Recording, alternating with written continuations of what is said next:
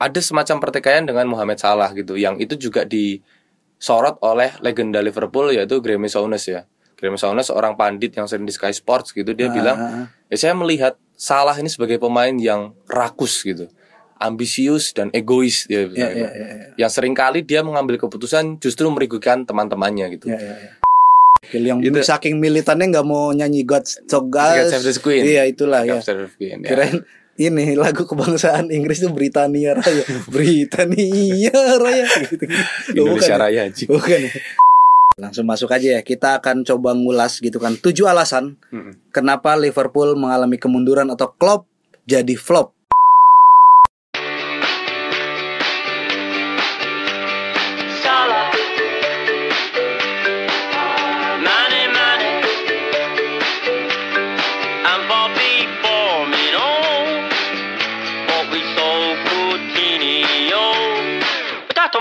Actually, because we got Salah.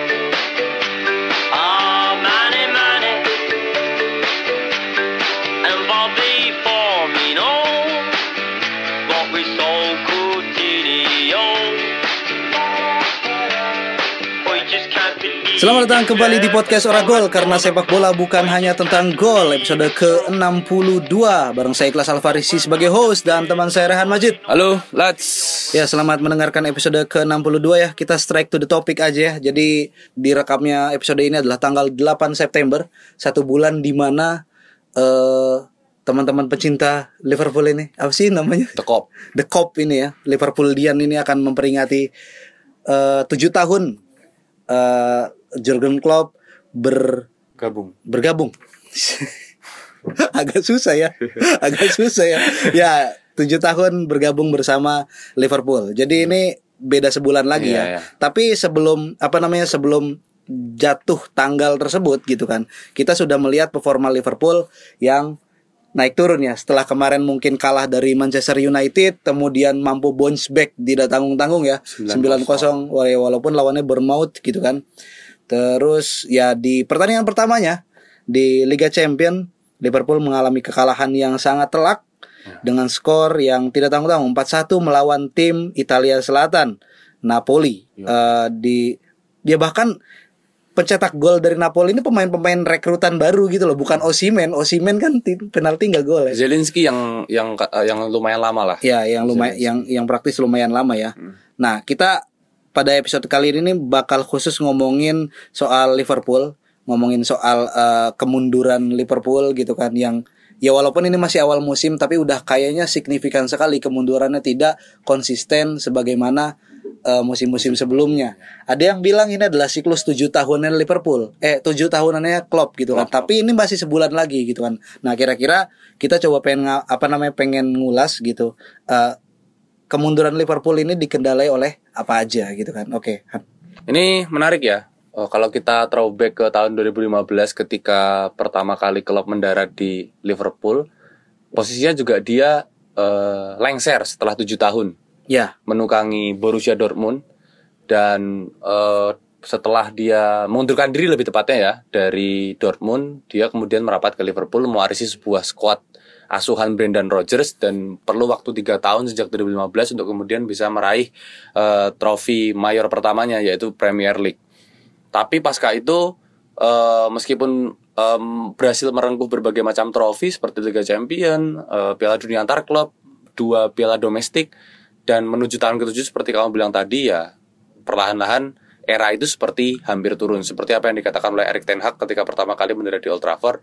Saya sangat em, menggemari, saya sangat mengidolakan kedua tim itu, tapi seperti kita sudah sering lihat sebuah era pasti akan runtuh dan apakah ini akan betul-betul jadi keruntuhan Liverpool Iya, iya, setelah Ya kita bisa menyaksikan kalau tadi kita bilang di belakang mungkin anak-anak yang kuliah dari mulai tahun 2015 mungkin kalau tujuh tahun dia kuliah dia tujuh tahun pas menikmati kenikmatan era Iya. boleh tuh dia ngeklaim kayak wah masa-masa aku masa masa yang paling indah gitu. Yoi. Kenapa Liverpool dominan ya? Yoi. ya dia dia dia menyaksikan bagaimana Liverpool era-era yang ada Stewart Downey, Iya, ada apa si botak-botak Andy Carroll. Andy Carroll, Iya. siapalah Agar. Charlie Adams gitu-gitu. Terus kemudian Skrtel. era itu tiba-tiba selesai ada salah Mane Mane gitu kan. Iya.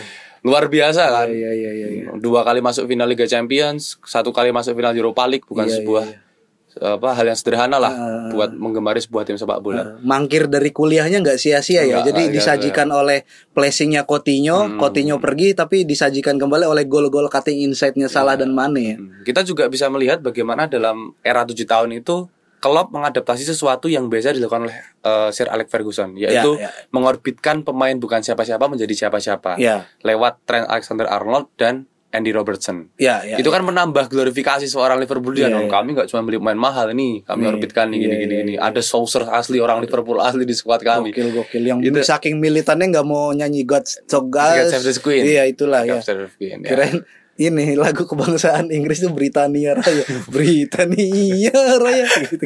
Indonesia Bukan ya? Raya. Bukan. ya? Nah itu jadi eh, ya mungkin eh, alih-alih menyebut ini siklus tujuh tahunan kita bisa ngulas banyak ya. Karena sebelumnya di Dortmund dan di Mainz dua klub yang dia asuh di Jerman dia juga hanya bertahan selama tujuh tahun. Dan di tahun ketujuhnya di penghujung eh, masa baktinya dia mengalami penurunan yang cukup drastis itu di Mainz dia gagal bounce back setelah musim sebelumnya di tahun ke-6 dia promosi terus kemudian degradasi. Di tahun ketujuhnya dia gagal promosi lagi kemudian dia memilih mundur. Kemudian ketika di Borussia Dortmund di musim terakhirnya dia terlempar di posisi ketujuh dan kemudian membuat dia mengundurkan diri gitu. Meskipun dicintai oleh fans Mainz dan Dortmund tapi dia tetap memilih mundur dan Iya, iya, iya. kemudian eh, ke Liverpool gitu kan. Ya, pada prakteknya gitu di musim 2022-2023 ini gitu kan Liverpool itu hanya menang tiga kali. Tiga kali. Yang pertama itu Community Shield, ya dihitungnya udah, udah masuk musim ya Oke. gitu kan. Berhasil mengalahkan juara Premier League musim lalu, Man City. Kemudian eh, masuk ke Liga domestik di Liga Inggris dia baru menang itu ketika eh, menjamu Bournemouth ya di Anfield dengan gol yang tidak tanggung-tanggung ya. 9 gol tanpa salah di dalamnya itu aneh juga tuh. Kemudian menang lagi di pertandingan selanjutnya melawan Newcastle. Ya. Nah setelah itu dia ditahan imbang oleh klub ya beda RT kan Everton kemudian kalah lagi oleh Napoli Ya. sebesar 4-1. Nah ini kira-kira faktornya apa nih? Faktor-faktor deket-deket aja. Faktor-faktor yang dekat kita ngelihat ya mungkin eh supporter sebenarnya sudah mulai muak ya. Aku sudah melihat kemarahan fans Liverpool tuh semenjak eh, derby Merseyside lawan Everton. Ya ya ya. ada semacam standar yang dibangun di Liverpool sekarang. Kalau derby itu harusnya bukan derby yang pantas seri atau kalah, tapi itu pasti dimenangkan. Iya, iya. Karena Everton dalam tujuh tahun terakhir praktis bukan siapa-siapa. Liverpool jelas warnanya merah. Betul betul. Dan melihat permainan Liverpool sedemikian rupa, Darwin Nunez kesulitan mencetak gol kreativitas di tengah mandek yang kemudian berujung hasil 0-0 itu nggak cukup memuaskan bagi Iya, Liverpool iya. yang telah tujuh tahun itu melihat kebangkitan iya, sang eh, apa namanya monster yang tertidur ini kan. Ya, Iya, mungkin iya, iya. faktornya tadi seperti aku sebutkan, dia mendatangkan Darwin Nunez, Oke. seorang target man yang Oke, diharapkan ah. mendapatkan suplai-suplai bola yang enak ya. Ah, dan salah satu ya. dan salah satu kreator yang diharapkan mampu menyuplai bola itu adalah Thiago Alcantara. Thiago Tapi sayang Alcantara. Hmm. sekali dia didera cedera. Nah, mungkin ini jadi satu masalah dari banyak masalah yang nantinya bisa kita ulas. Karena nggak hanya Thiago Alcantara sebetulnya, tapi ada pemain-pemain macam Nabi Keita, Ibrahima Konate, Curtis Jones, Alex Oxlade-Chamberlain, Costa Simikas dan Diogo Jota. Pemain-pemain yang musim lalu reguler bikin asis atau gol, justru Iya, di iya, musim iya. ini didera cedera semua. Uh, walaupun mereka mul- memulai pertandingan dari bangku cadangan, setidaknya mereka jadi super sub ya kayak Ya. Diego Jota gitu kan. Kayak Diogo Jota, Ah, ya. Makanya ada lagunya sendiri kan. Mm, Bahkan Jota kan kemarin sempat masuk starting terus kan? Ya ya ya. bikin Firmino kegeser kan? Ya ya ya ya. Itu kan menunjukkan rekrutan klub musim lalu kan jitu-jitu semua tuh, Ya ya ya. termasuk Alcantara dan ya kita bisa lihat Ibrahim Konate solid juga kan di dua final Piala domestik kemarin permainannya Ibrahim Konate ini serem juga gitu. Jadi tak, tak pikir kehilangan hampir 5 sampai 6 pemain bagi Liverpool akan sangat sulit gitu. Oke, langsung masuk aja ya. Kita akan coba ngulas gitu kan. Tujuh alasan Mm-mm. kenapa Liverpool mengalami kemunduran atau Klopp jadi flop di Waduh. musim 2022-2023 ini. Yang pertama ada badai cedera, gimana? Ya, seperti aku sebutkan tadi, badai cedera ini impactnya banyak, terutama ngomongin eh, apa namanya, bagaimana kerataan starting eleven-nya. Karena Ya. kalau kita lihat, nanti mungkin apa yang tak sampaikan bakal nyambung ke poin-poin yang lain ya. Ya ya. Salah satu masalah terbesar klub ketika menangani sebuah klub dari dua klub sebelumnya, Mainz dan Dortmund, ketika dia mau jatuh adalah dia gagal meregenerasi winning eleven-nya. Ya, ya, ya. Nah, winning eleven Liverpool dari 2018 itu kan tadi seperti kamu sebutkan bahkan wa- waktu melawan Napoli hampir sama juga skuadnya. Ya, ya, ya. Dan meremajakan skuad itu kan PR kan sebetulnya. Jadi Betul, kehilangan Mane, kehilangan Thiago yang mampu Iya, iya, iya. ngisi tengah, Hmm. kehilangan Gini Wijnaldum. Iya, iya, iya. iya. Itu kan kekosongan-kekosongan yang terus terasa gagal diisi oleh Jurgen Klopp. Jadi Hmm. Iya, iya, iya. badai cedera ini jelas jadi satu faktor di mana rata skuad yang dibutuhkan untuk mencapai skema puncak keinginan Klopp itu tidak tercapai Hmm. sehingga ya kita lihat kentang banget mainnya Liverpool. Betul, betul, betul, betul. Nah, kalau misalnya dilihat starting elevennya ketika kalah lawan Napoli ini ya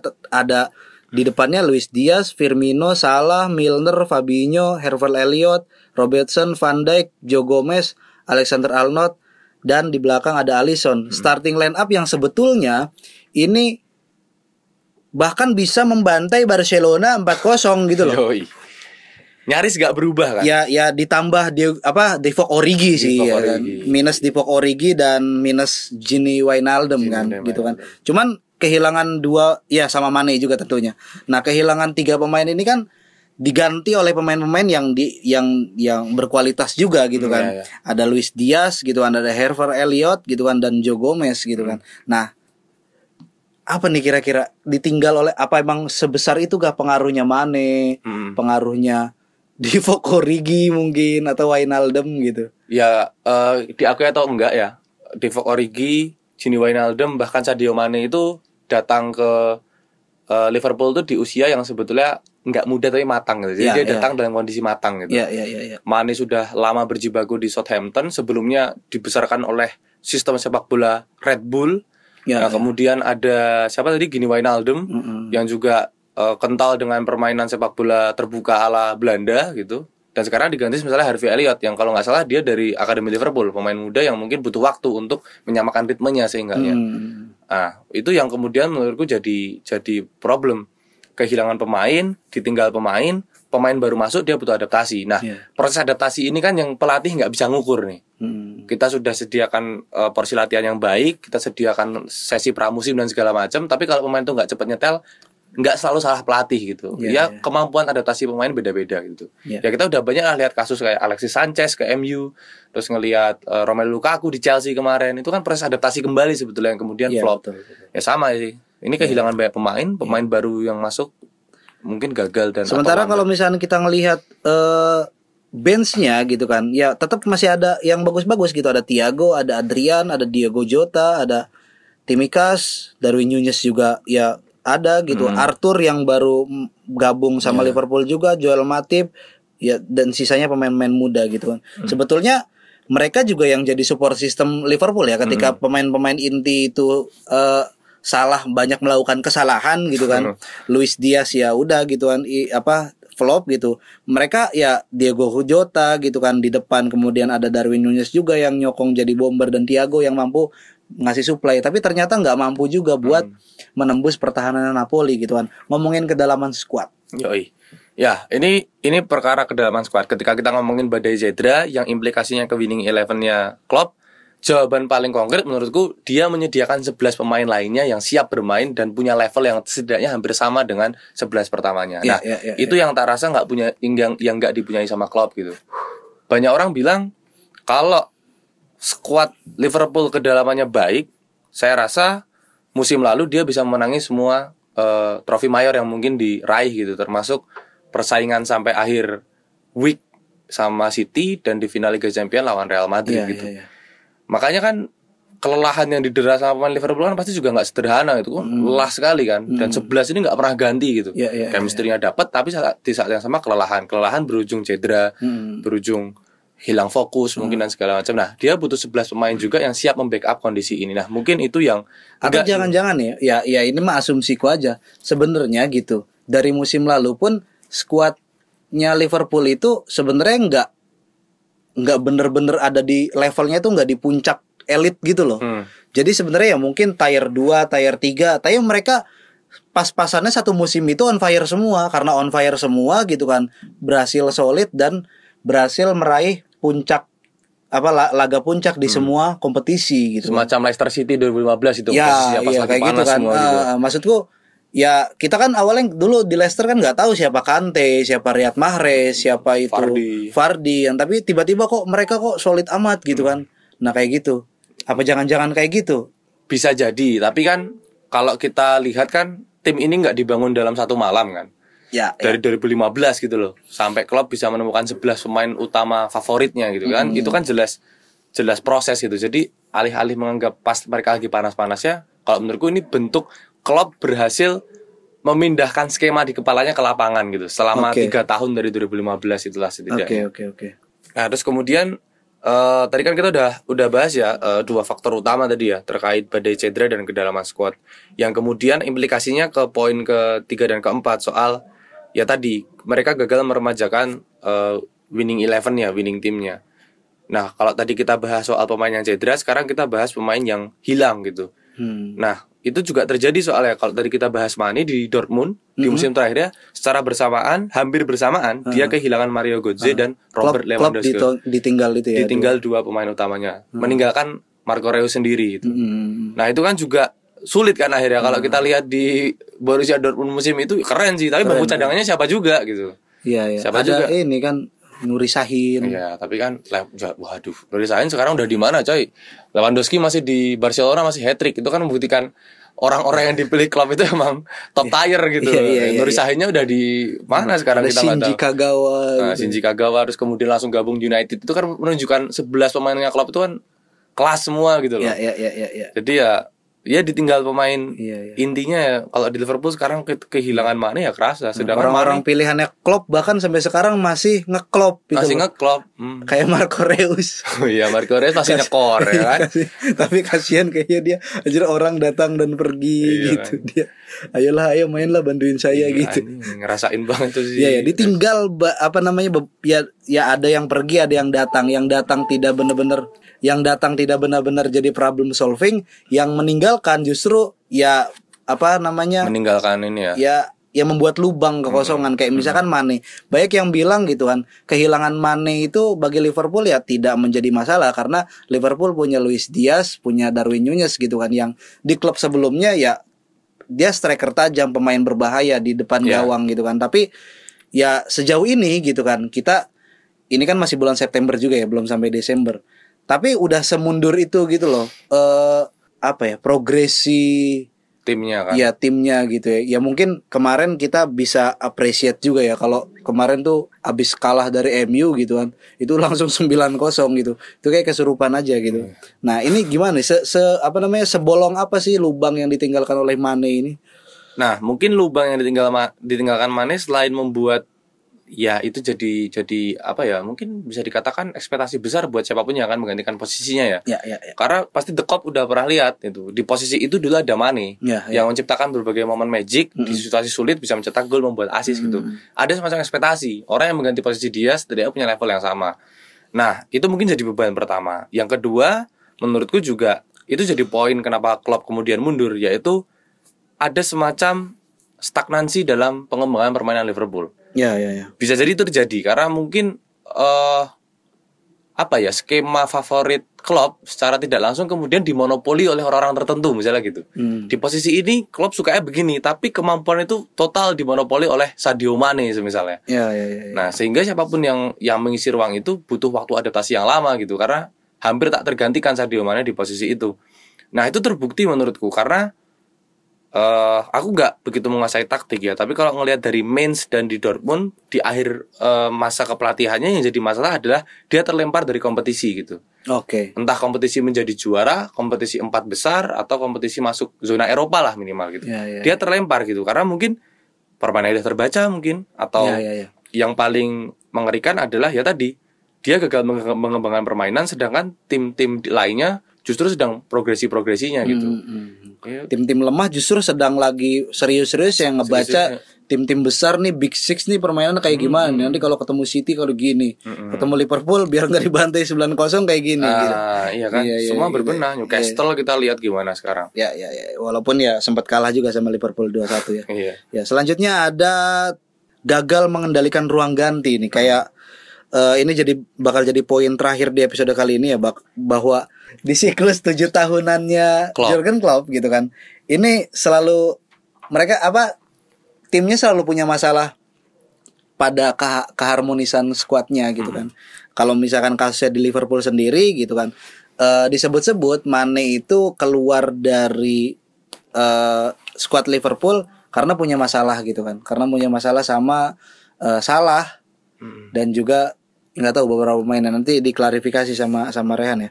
Eh, dan juga gitu, kalau misalkan kita ngelihat gitu, Coutinho juga keluar dari sana kan karena memang eh, kedatangan pemain baru dan merasa wah ini tempatku udah nggak nggak nggak nggak ada lagi nih gitu kan. Jadi ya udah mending keluar aja gitu kan. Kayak gitu gimana? Nah, eh, terlepas nanti itu mungkin aku bakal, bakal singgung sedikit ya soal keharmonisan atau ada pertengkaran antara satu pemain dengan yang lainnya. Ada satu masalah lagi ketika eh Klopp dengan timnya itu gagal mencapai peaknya, puncak tertingginya. eh, Oke lah, dia pernah juara Liga Champion dan Liga Inggris ya. Tapi pasti ada keinginan untuk mencapai posisi itu lagi kan. Nah, Oke, ketika oke. terus menerus gagal, Nah ini yang kemudian membuat banyak pemain pasti bertanya-tanya soal ini visi klub ini mau ke mana kita mau ngapain itu jadi pertanyaan besar. oke Makanya menurutku kepergian Lewandowski dan Mario Götze nyebrang ke Munich itu salah satunya adalah dia mungkin lelah gitu. Di Dortmund ini kita mau ngapain sih? Oke kita dua tahun berturut-turut memutus dominasi Bayern Munchen, tapi di Oke. final Liga Champion kita kalah. Di Liga kita runner up terus. Di, di tahun terakhir kita posisi 7 Pemain-pemain dengan talenta yang mumpuni tadi mulai mempertanyakan nih kira-kira Klopp mampu nggak membawa eh, tim ini untuk mencapai titik idealnya gitu sehingga Ya, kan ya. alternatifnya setiap pemain pasti punya ambisi kan Oke, akhirnya oke, oke. pergi Mm-mm. kalau dari singgung Philip Coutinho mungkin sama. Seingatku Coutinho pergi ke Barcelona karena dia pengen juara Liga Champion. Iya walaupun walaupun gagal akhirnya. Makanya banyak fans Liverpool ngebenter Coutinho eh pergi kita juara Champions nih malah pergi gitu Iya, kan. Iya, iya, iya. semacam hal seperti itu. Klopp kehilangan magisnya di ruang ganti untuk mem- membuat pemain itu percaya bertahan sama aku kita sama-sama menang gitu. Sehingga banyak pemain yang keluar. Kita pernah menang dan akan terus menang gitu. nah Iya, iya, pemain iya. mulai enggak juga iya ya susah juga sih sama Iya, lu kan. susah. susah kan. Makanya itu yang jadi masalah dan terbaru tadi mungkin soal kepergian Sadio Mane baik secara langsung atau enggak dampaknya ya ada semacam pertikaian dengan Mohamed Salah gitu yang itu juga disorot oleh legenda Liverpool yaitu Graeme Souness ya Graeme Souness seorang pandit yang sering di Sky Sports gitu dia Ah, bilang ah, ah. ya saya melihat Salah ini sebagai pemain yang rakus gitu ambisius dan egois dia bilang. iya, iya, iya. yang sering kali dia mengambil keputusan justru merugikan teman-temannya gitu Iya, iya, iya. Kalau teman-teman nyari di YouTube misalnya Mane vs Salah gitu, pasti akan ada beberapa klip yang menayangkan Mohamed Salah berpeluang membagikan, membagikan bola ke Mane tapi justru syuting langsung yang Oke. berujung uh, goal kick Oke. atau kebanyakan capping yang berujung Iya, iya, iya. intercept gitu iya. membuat Mane frustasi dan Oke. sempat melayangkan emosinya ke Jurgen Klopp gitu.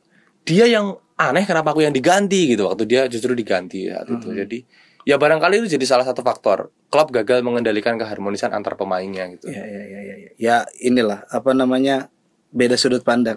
Ya, aku kayak ngebelain klub ya. ya menurutku nih ya, kalau dia dia tuh kan dibilang kena kutukan tujuh tahunan gitu ya, dan ini sebulan lagi dia akan ya fix tujuh tahun di Liverpool gitu kan. Nah menurutku nih klub biar nggak flop itu gimana coba kalau udah tujuh tahun, Gimana? udah mulai mulai turun-turun Perpanjang. kan Eh. se- apa namanya sebelumnya kan ngerekrut pemain rekrut pemain dia ngerekrut pelatih Ki. Oh. dia jadi dirtek Oh, naik dia ya. iya kayak ini kayak Ragnik ya. iya biar biar iya biar tetap jadi the winning team gitu loh Oke. Klopp jadi dirtek Oke, gitu naik belum, kasta. iya belum pernah kan bisa dicoba itu oke Yoi. gitu aja kita di episode ke 62 ini sampai jumpa di episode Senin ya teman-teman ya Yoi. Eh, nanti ya episode panjangnya di situ aja lah kayaknya nanti mulai episode ke depannya hari Kamis mah gini aja kali. Mhm. Eh, timeless tapi ya tetap ringkas aja. Oke, sam- sampai jumpa di episode selanjutnya. Bye.